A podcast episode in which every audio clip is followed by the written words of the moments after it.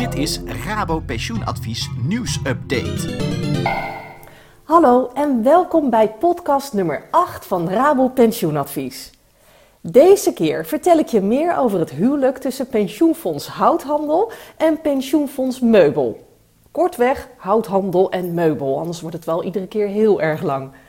Deze twee fondsen zijn namelijk vanaf 1 januari jongstleden samen verder gegaan. De Nederlandse bank heeft toestemming gegeven voor dit huwelijk en is akkoord gegaan met het feit dat bij houthandel opgebouwde pensioenen over zijn gegaan naar meubel. Het ministerie van Sociale Zaken heeft toestemming gegeven voor het uitvoeren van de regeling van houthandel door meubel. Het samengaan van deze pensioenfondsen heeft geen gevolgen voor het pensioen.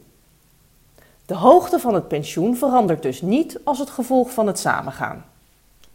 Het grote voordeel van het samengaan van deze pensioenfondsen zit met name aan de kostenkant. Hoe groter de groep deelnemers, des te meer de kosten uitgesmeerd kunnen worden. Zo vallen de kosten per deelnemer lager uit. Veel kosten kunnen vanaf 2020 gedeeld worden tussen de deelnemers van beide pensioenfondsen. Elke euro die bespaard wordt, komt ten goede aan het pensioen. Het opgebouwde pensioen van de deelnemers van houthandel is overgedragen naar meubel. Op het moment dat dit is gebeurd, is er goed gekeken naar de dekkingsgraad van beide pensioenfondsen. Men wilde niet dat de deelnemers van meubel moesten betalen voor het samengaan van de pensioenfondsen. Daarom is het verschil in de dekkingsgraad gecorrigeerd.